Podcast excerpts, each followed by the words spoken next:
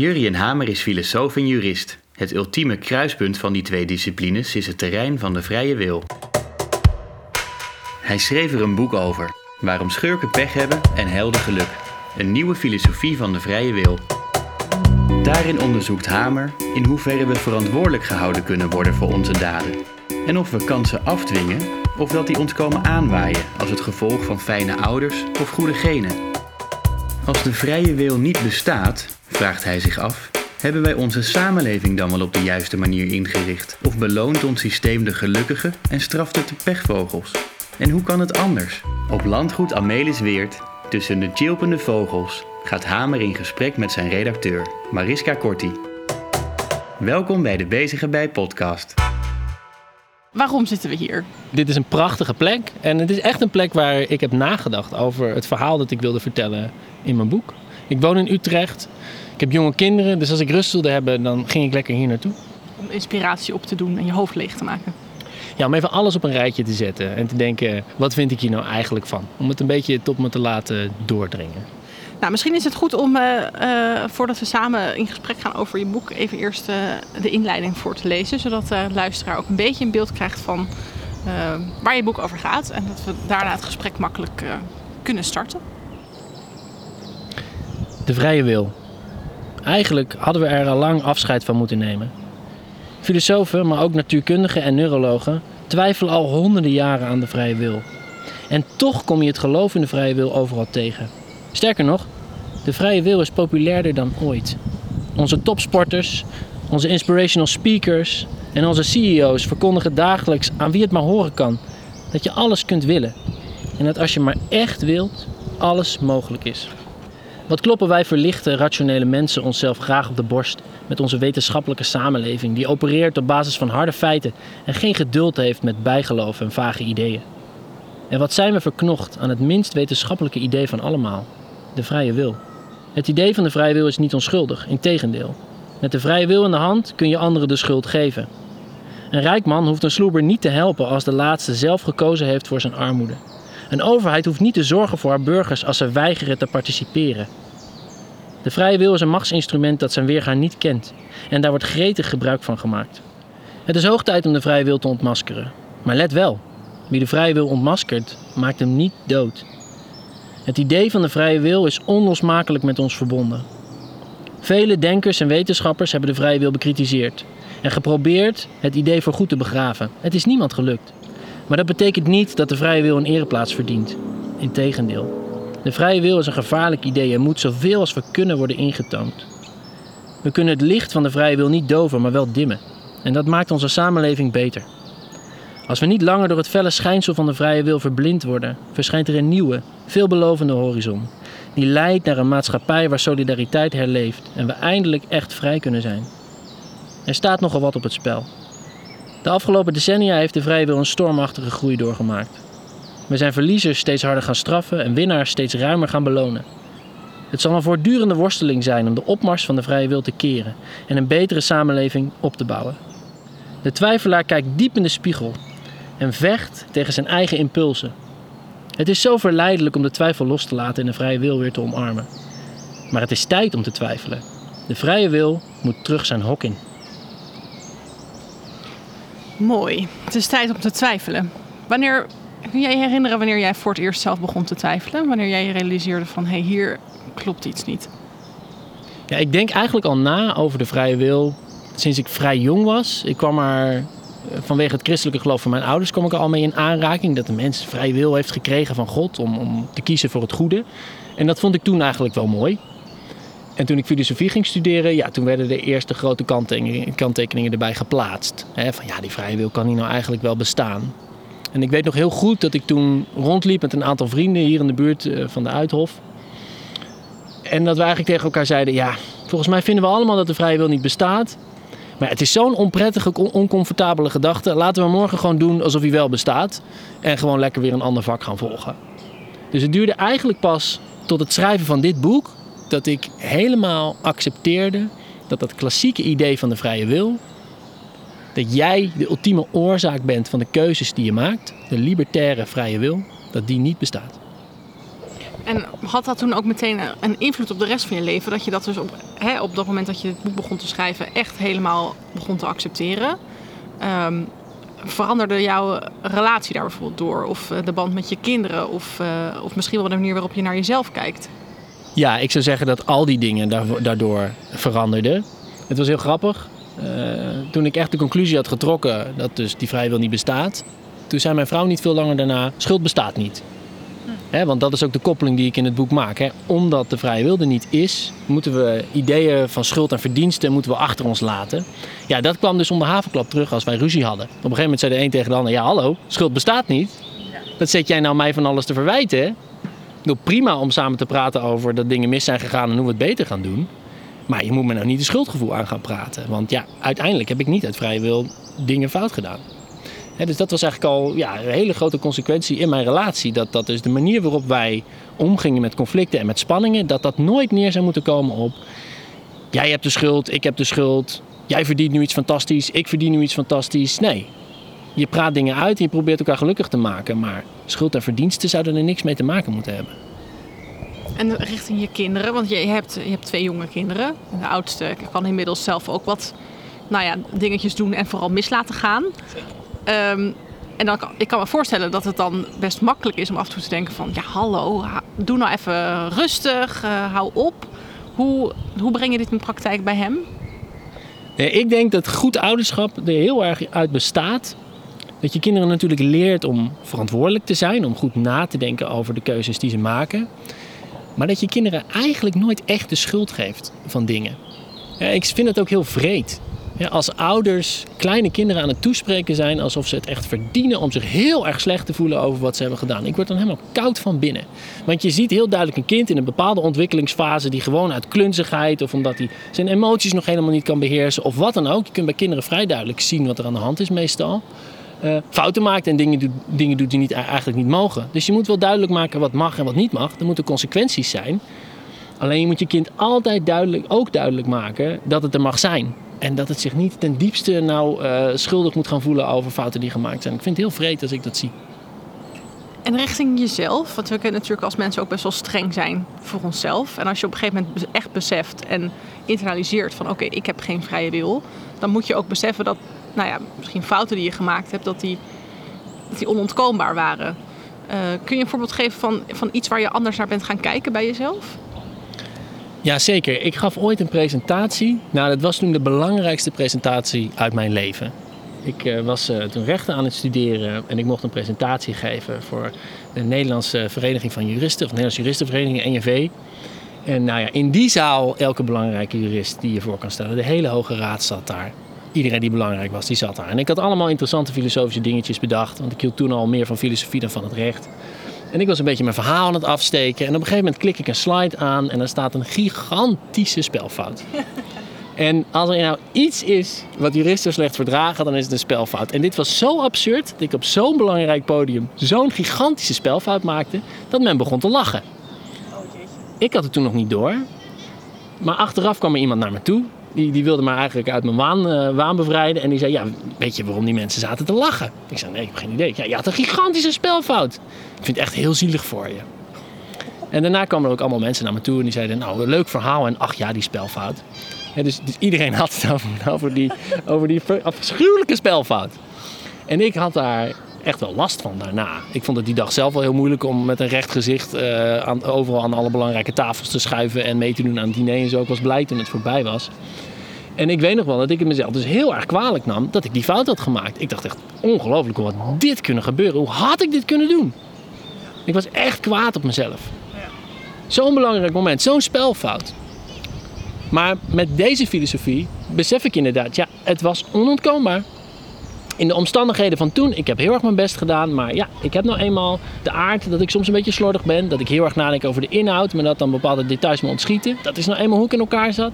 Ik heb tien keer die presentatie doorgebladerd, ik zag het gewoon niet. En, en in zekere zin kon ik er toen dus niks aan doen dat dat gebeurde. En dat is ook een troostrijke gedachte, een berustende gedachte. Dus dat is absoluut helpend om, om, eh, om, eh, om ja, je, je fouten die je zelf hebt gemaakt te verwerken. Dus weer een vrede gekregen eigenlijk met eh, wat er mis is gegaan. En ik kijk daar nu niet meer met voeging op terug. Nee, niet met vroeging. Ik denk wel, want had ik een pech zeg, dat denk ik wel. Want je hebt natuurlijk wel ongelofelijke pech. Als je juist bij die ene presentatie die zo belangrijk is, dat je dan een spelfout maakt en dat iedereen afgeleid is en niemand mijn briljante filosofische gedachten nog serieus neemt. Dus ik dacht, ik, ik denk wel van, nou, ik heb toen wel echt pech gehad. Ja. Maar het is dus nu ook alweer zo lang geleden dat ik er, ja, dat ik er eigenlijk plezier in schep om het er ook over te hebben. Oké, dus het is aan de ene kant is het, hè, kan het helpen om jezelf van die vrije wil te, te bevrijden, van dat idee. Aan de andere kant is het natuurlijk eigenlijk ook best moeilijk om te beseffen dat je geen vrije wil hebt. Want uh, dan heb je ineens, ja, dan staat, ligt ineens niet meer de wereld aan je voeten. En kan ineens niet meer alles. Hoe, hoe is dat voor jou geweest om dat uh, te beseffen? Het allermoeilijkste is niet hoe je omgaat met dingen die je fout hebt gedaan. Want eigenlijk hebben we allemaal een neiging om als we dingen fout doen, daarvoor excuses te zoeken. En dus eigenlijk te zeggen: hé, hey, maar wij leven in een wereld van oorzaak en gevolg. En ik maakte die fout, maar dat had ook oorzaken. Het is veel moeilijker om dit te accepteren bij de dingen die je goed hebt gedaan. Want dat zijn de dingen waarvan je eigenlijk wil zeggen: hé, hey, ik heb dat geschapen, ik heb dat echt gemaakt. Ik zou dat nog een keer kunnen maken. Ik ben gewoon iemand die heel trots kan zijn op zichzelf. Want ik heb een prachtige studie behaald en ik heb een mooi proefschrift geschreven en ik ben zo'n fijne vriend en, enzovoort, enzovoort, enzovoort. En ook al die goede dingen die je doet, die zijn uiteindelijk ook echt een kwestie van geluk. En dat betekent dus ook dat je niet hele bijzondere beloningen verdient voor de goede dingen die je doet. Tenminste, dat betoog ik. En dan wordt het echt lastig. Want hoeveel welvaart zou dan eigenlijk van jou moeten zijn? Wanneer ben je eigenlijk te rijk ten opzichte van iemand anders? Ik ben al ik heb, al, ik heb het al best prima voor elkaar. Ik heb een leuk huis. En uh, ja, natuurlijk, je kan nog vele malen rijker worden. En maar wanneer is nou het moment dat je eigenlijk zegt van... hé, hey, dit is rijk genoeg. Ik verdien echt niet meer dan dit. Mijn kinderen verdienen echt niet meer dan dit. Dan wordt het echt pittig. Dan leg je jezelf echt op de pijnbank. Maar ik denk wel dat we dat moeten doen. Want als we kijken naar de samenleving waarin we leven... met de gigantische welvaartsverschillen die er nog steeds in zitten... die er niet per se hoeven te zijn... we moeten onszelf op die pijnbank leggen. Want ja, uiteindelijk is het onrechtvaardig dat uh, sommige mensen in de villa wonen en andere mensen nauwelijks rond kunnen komen. Ja, dus uh, je hebt op een gegeven moment besefte jij dus eerst voor jezelf dat het zo uh, in elkaar zat dat jij eigenlijk misschien wel rijker bent dan, dan je zou verdienen. Um, en vervolgens zag je dat geldt eigenlijk voor de hele maatschappij. En toen besloot je er een boek over te schrijven. Of ging, hoe ging dat? Ja, ik denk dat het, ik denk dat het eigenlijk begon bij de samenleving. Ik denk dat het vaker zo is bij mensen die nadenken. Die zijn eerst bezig met maatschappelijke problemen. En dan op een gegeven moment denken ze: oh, maar misschien betekent het persoonlijk voor mij eigenlijk ook nog wel wat. Ik denk dat ik daar wel een goed voorbeeld van ben. Dus, dus wat mij heel erg triggerde, was dat wij een discussie hadden over asielzoekers in Nederland. En dat je toen eigenlijk heel goed zag uh, dat de mensen die de rechten van asielzoekers af wilden pakken, die wilden ze ergens de schuld van geven. Die wilden ze een vrije keuze in de schoenen schuiven. Die wilden zeggen: Jij had toen een mobieltje bij je toen je op dat eiland uh, zat. Dus jij had wel een beetje geld en inkomen ergens van. En dus had er prima voor kunnen kiezen om een leven op te bouwen in Griekenland of in een ander land of wat dan ook. Jij hoefde niet naar Nederland te komen. Het was een vrije keuze. En daarom zijn we jou helemaal niets verplicht. En er zijn ook andere mensen en die hebben het dan de hele tijd over... ja, maar god, er was oorlog daar en oh, die verschrikkelijke armoede. En ze hadden helemaal geen kansen die ze aan hun kinderen konden geven. Dus natuurlijk komen ze hier naartoe. Ze hadden toch helemaal geen keuze? Dus eigenlijk die discussie over asielzoekers... daar merkte ik hoe die vrijwil gebruikt werd door de politieke partijen... Ja, om het debat een kant op te krijgen. En toen dacht ik, hé, hey, volgens mij is dit echt een sleutelbegrip in ja, op zoveel dossiers, zoveel vraagstukken. En toen ben ik er echt in gaan graven en toen wilde ik er ook over schrijven. En ik denk dat ik gelijk had. Ik denk dat je inderdaad ziet dat in onze economie, in ons strafrecht, in zo vreselijk veel debatten, dat die vrije wil een cruciale rol speelt. Het is natuurlijk best abstracte materie. Um, en uh, volgens mij is het, is het heel lastig om het, om het echt populair wetenschappelijk op te schrijven of, of begrijpelijk voor een groter publiek. Hoe heb je dat aangepakt? Hoe heb je toen de vertaalslag gemaakt naar een publieksboek? Ja, dus ik moest eigenlijk af van de hypertechnische filosofische discussie over de vrijwil. En die is echt hypertechnisch. Die is echt ontmoedigend ook. En ik kwam er eigenlijk ook achter dat heel veel filosofen best flinke dingen zeiden, die best wel veel consequenties eigenlijk hebben voor de samenleving. Maar daar niet zozeer mee bezig waren. Die waren vooral bezig met een of ander technisch debat winnen in een of ander journal. Dus ik voelde wel heel erg de noodzaak van ik moet dit debat vertalen naar de samenleving. Maar inderdaad, hoe doe je dat dan? En een van de meest beslissende dingen was dat ik echt af ben gestapt van die, van die technische terminologie. dus in, uh, in het debat over vrije wil heb je allerlei varianten van de vrije wil. En dan gaat het echt over dingen als compatibilisme. Ja, probeer maar eens een begrijpelijk boek te schrijven waar dat woord de hele tijd in voorkomt. Dus ik moest ook mijn eigen termen gaan verzinnen. hè. Ik heb het in mijn boek over de reflectieve wil. Dat is eigenlijk dat compatibilistische. hè. Dat is het idee dat je wel kan nadenken en keuzes kan maken. Maar dat zelfs jouw, jouw proces van reflectie eigenlijk gedetermineerd is. Dat is de reflectieve wil.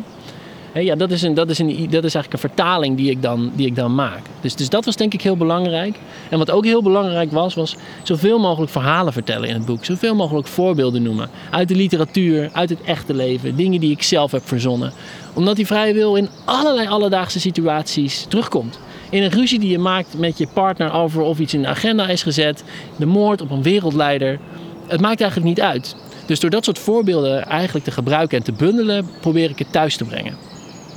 En kun je misschien, om, de, om het voor de luisteraar eh, nog helder te krijgen, eh, even nog een voorbeeld geven van dat verschil tussen de echte vrije wil en de, die reflectieve wil, zoals jij die noemt?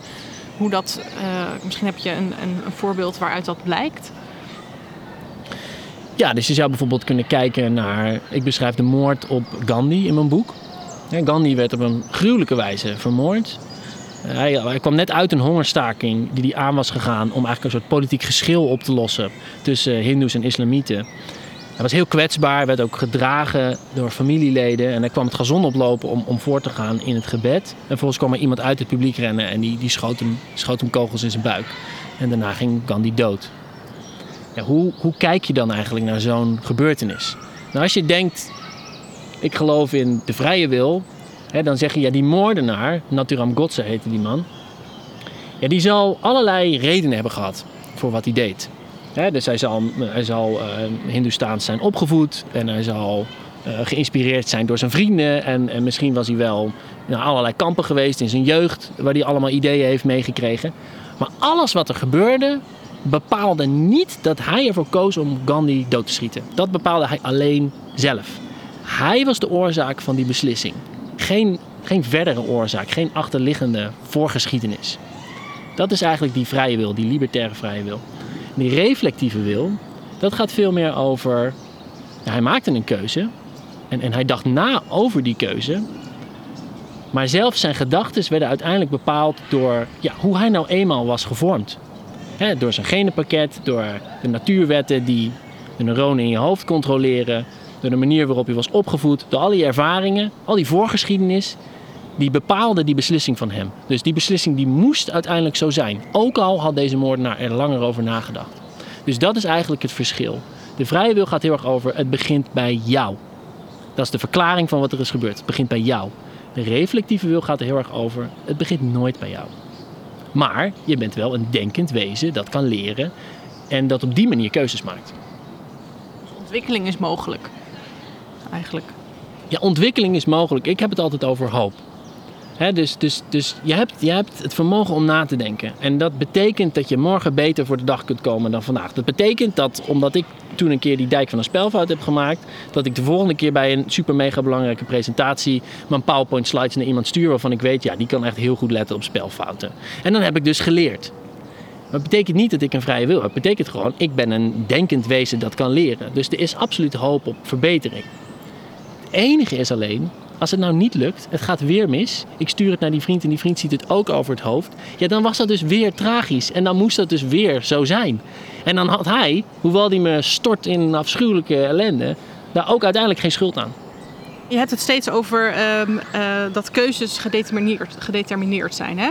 Ehm, nu weet ik, eh, als ik een beetje denk aan het woord determinisme, denk ik meteen: oké, dan zitten we dus vast aan het lot dat voor ons is eh, beschikt. Hoe kijk jij daarnaar? Ja, dus ik denk, dat, ik denk dat er een comeback moet zijn van het idee van het lot.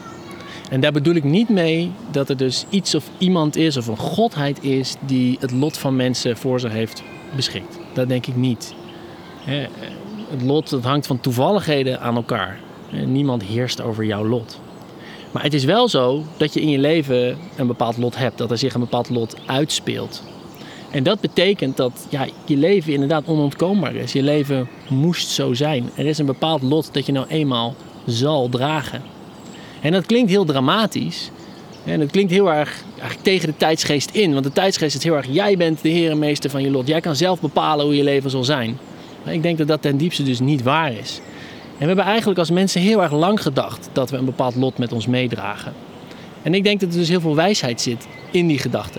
En daarom wens ik de samenleving ook toe dat we uiteindelijk een lot hebben waarbij we ja, intelligenter na gaan denken over de vrije wil en eens wat milder voor elkaar gaan zijn. Hey, en dit is je eerste boek, hè? Dit is je debuut. Hoe, hoe is het om te debuteren? Kun je daar iets over vertellen? Ja, ik vond het fantastisch om te debuteren. Eh, Het, het, het ongelofelijke voorrecht van een boek is dat je ruim de tijd en de ruimte hebt om ja, te, ja, je eigenlijk je gedachten te delen met een publiek. Dat is heel bijzonder. Weet je, we vinden het fijn om onze gedachten te delen met de mensen om me heen. Maar hierbij kan je gedachten delen met, met een veel groter publiek. En dan krijg je dus ook van dat veel grotere publiek krijg je ook dingen terug. Dus mensen hebben met me gesproken op, op een heel persoonlijk niveau. Waarbij ze echt zeggen van ja, ik heb grote fouten gemaakt in mijn verleden. En, en jouw boek hielp mij om, om daarover na te denken. Hè, of ik heb iets overwonnen in mijn leven, maar, maar anderen niet. Ik was ziek en ik wist beter te worden, maar anderen niet. En iedereen om me heen zei, oh ik ben zo trots op je dat je dat hebt gedaan, want heb jij fantastische keuzes gemaakt. Maar ik dacht eigenlijk, ik ben vooral opgelucht dat ik, dat ik hier doorheen ben gekomen. En die anderen die het niet hebben gered, die hadden misschien gewoon pech. Dus, dus het, het prachtige van debuteren voor een groter publiek is dat al die ervaringen van mensen jouw kant op komen. En, en mij weer voeden en inspireren om nieuwe dingen te gaan maken. En waren er reacties bij, eh, misschien van lezers of, of in de pers of bij interviews die je hebt gegeven, eh, die jouw denken hebben veranderd of die iets, iets in beweging hebben gezet in je eigen gedachtegang hierover? Nou, het belangrijkste voor mij was denk ik dat ik echt een worsteling beschrijf in mijn boek. Eh, dus, dus ik schrijf in mijn boek dat je die vrijwil nooit helemaal kan loslaten. En waarom niet? Omdat als jij 's ochtends wakker wordt, weet je, dan ga je niet luisteren naar de instructies van je hersenen. Dan denk je gewoon weer, ik ga vandaag keuzes maken. En die, en die keuzes die beginnen bij mij. Ik schep die keuzes. En het is heel erg moeilijk om niet zo over jezelf na te denken. En ik kreeg dus ook veel reacties van mensen die zeiden van... ja, jij lijkt het onmogelijke van mij te vragen. Hè, Ik, ik kan misschien theoretisch wel je verhaal volgen, maar dit kan toch helemaal niet? Ik kan toch niet naar mezelf kijken en denken, alles is al gedetermineerd? Hè, Dus ik had met Jesse Frederik bijvoorbeeld eh, in een podcast, de Rudy en Freddy Show, daar een discussie over. Dus dat is eigenlijk de reactie die mij ja, toch wel heel erg is bijgebleven. En ook aan het denken heeft gezet. Het is niet zozeer dat ik door die reactie echt van, eh, de reactie echt van, gedachten echt veranderd ben. Maar ben nog meer doordrongen van het feit hoe uitdagend het is om de filosofie uit mijn boekje helemaal eigen te maken. En, en wat een werk ik dus ook nog te verzetten heb. Om dat verhaal zo goed mogelijk te berden te brengen en om erover te vertellen. Want ik denk wel degelijk dat als we leren om om te gaan met dat conflict in onszelf, dat we daarmee betere mensen worden. En hoe worden we vervolgens een betere maatschappij? Want je, je boek is ook, heeft ook best wel een, eh, een radicale implicatie voor hoe onze samenleving in elkaar zou moeten zitten. Ehm, eh, kun je iets vertellen over eh, hoe jij dat eigenlijk voor je ziet? Als, als wij dus allemaal inderdaad die vrije wil loslaten, hoe gaan we dan met elkaar om? Het startpunt van mijn filosofie op de samenleving is: we moeten, of het nou ons strafrecht is of onze economie, we moeten de samenleving inrichten zonder schuld en zonder verdiensten. Dat is het filosofische startpunt. Maar ja, hoe doe je dat dan? Wat betekent dat dan? En ik zeg in mijn boek: je moet nadenken over wat de consequenties ergens van zijn. Dat, dat moet je nog steeds doen. Dus als je kijkt naar ons strafrecht, dan ben ik tegen vergelding. Want wat je bij vergelding eigenlijk zegt is van jij verdient te lijden omdat jij nou eenmaal schuldig bent. Dat is een gedachte die ik niet kan ondersteunen vanuit mijn filosofie. Maar betekent dat dan dat we helemaal niet mogen straffen? Ja, soms moeten er consequenties zijn. We moeten elkaar toch beschermen tegen criminaliteit. We moeten criminelen helpen om weer te rehabiliteren. We moeten slachtoffers helpen om hun leven weer op te pakken. Dus er zijn allerlei goede redenen om alsnog een straf ten uitvoer te leggen. Maar zonder vergelding. Dat element haal je eruit. En ja, daarmee wordt wat mij betreft ons strafrecht wel in veel gevallen milder. Dus je, dus je wordt milder. Maar je wordt niet soft. Want je gaat niet de consequenties uit de weg. Als het nodig is om een strenge consequentie te trekken, om iemand een zware straf op te, op te leggen, want anders is de samenleving echt niet veilig, ja, dan moet je dat serieus overwegen. Zolang je ook maar het belang, niet alleen van het slachtoffer, niet alleen van de samenleving, maar ook van de dader meeweegt. Want die dader is, een, is ook een afschuwelijke pechvogel. Die heeft heel erg veel pech met zichzelf. Dus uiteindelijk crimineel geworden. Enorm treurig. Dus dat is één voorbeeld waarbij ik zeg: oké, het gaat niet om schuld, het gaat niet om lijden, het gaat om consequenties. En waarbij ik dat probeer uit te pakken. En je beschrijft ook dat uh, eigenlijk de meritocratie, waar wij, uh, die wij zo hoog uh, in het vaandel hebben, hoe zeg je dat, hoog in het vaandel dragen, um, dat, dat die meritocratie eigenlijk niet werkt hè, als we streven naar echte gelijkwaardigheid. Um, hoe zou dat eruit moeten zien, echte gelijkwaardigheid? Ja, ik heb in laatst in een opinieartikel in Trouw heb ik gezegd... je moet zoveel herverdelen als de samenleving aan kan. En dus wat betekent dat? Dat betekent ongelijkheid tussen mensen... dat is nooit in zichzelf een goede zaak. Het is altijd in zichzelf een slechte zaak. Dus dat Pietje in de villa woont iemand anders... Eh, die, die, die zit in de bijstand en die kan nauwelijks een appartementje huren... dat is nooit goed. Dus nooit een prima stand van zaken... waar we aan het einde van de dag tevreden mee kunnen zijn. Dus we moeten altijd de vraag stellen... waarom is deze ongelijkheid er... En is die ongelijkheid ook maar ergens goed voor? Dat is heel anders dan nadenken in termen van die meritocratie. Want in de meritocratie, als je dingen heel goed doet, dan verdien je ook prachtige beloningen. Dus logisch dat jij die villa hebt, want dan heb je geweldige keuzes gemaakt. En daarom zeg ik ook van ja, kijk nou gewoon nuchter naar onze economie. Als we onze economie goed kunnen laten draaien zonder al die ongelijkheid, haal die ongelijkheid er dan alsjeblieft uit. En wat je merkt, ik ben zelf geen econoom, maar wat je merkt in economische discussies, is dat eigenlijk steeds vaker gezegd wordt van goh, die, die meer egalitaire samenlevingen, die doen het eigenlijk best goed. En als je die erfbelasting wat opschroeft en die vermogensbelasting wat opschroeft, dan gaat helemaal niks kapot. Het gaat eigenlijk prima met de samenleving als het meer gelijk is. En dan denk ik, ja, dan moet je het dus sowieso gaan doen. Want in principe is het goed als mensen op gelijke voet uh, met elkaar kunnen leven. In een van de recensies die over je boek uh, verscheen werd gezegd, um, of dat de laatste zin was volgens mij, ik hoop dat de lijsttrekkers aan de formatietafel meelezen. Um, nou, die formatie is nog steeds uh, gaande. Die wordt met de dag moeilijker volgens mij. Um, maar er moet natuurlijk op een gegeven moment ook over de inhoud gesproken worden. Um, wat zou jij, stel je voor, uh, al die lijsttrekkers lezen jouw boek. En dan gaan vervolgens, dan bellen je vervolgens op en zeggen: Nou, meneer Hamer, hoe moeten wij het aanpakken? Wat zou je ze meegeven?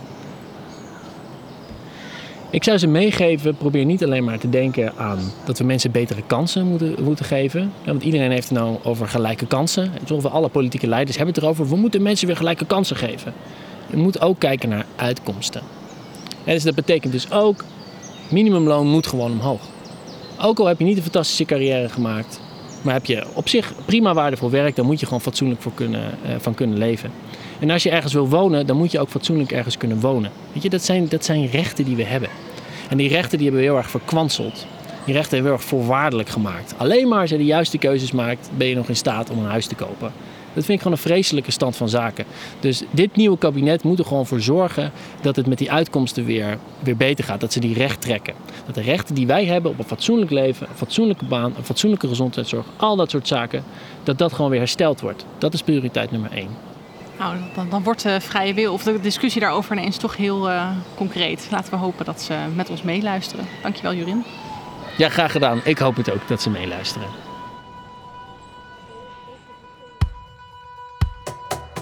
Waarom schurken pech hebben en helder geluk ligt nu in de boekhandels. Koop, al dan niet uit eigen beweging, wanneer het kan lokaal. Daarmee doet u de boekhandelaar een groot plezier. Laat ons ook graag weten wat u van de podcast vindt. Laat een recensie achter in uw podcast-app en maak kans op een gesigneerd exemplaar van het boek. In de volgende aflevering is Helena Hogekamp te gast. Zij debuteerde onlangs met de roman Het aanbidden van Louis Klaus, een ontroerend coming-of-age verhaal. Heel graag tot de volgende keer.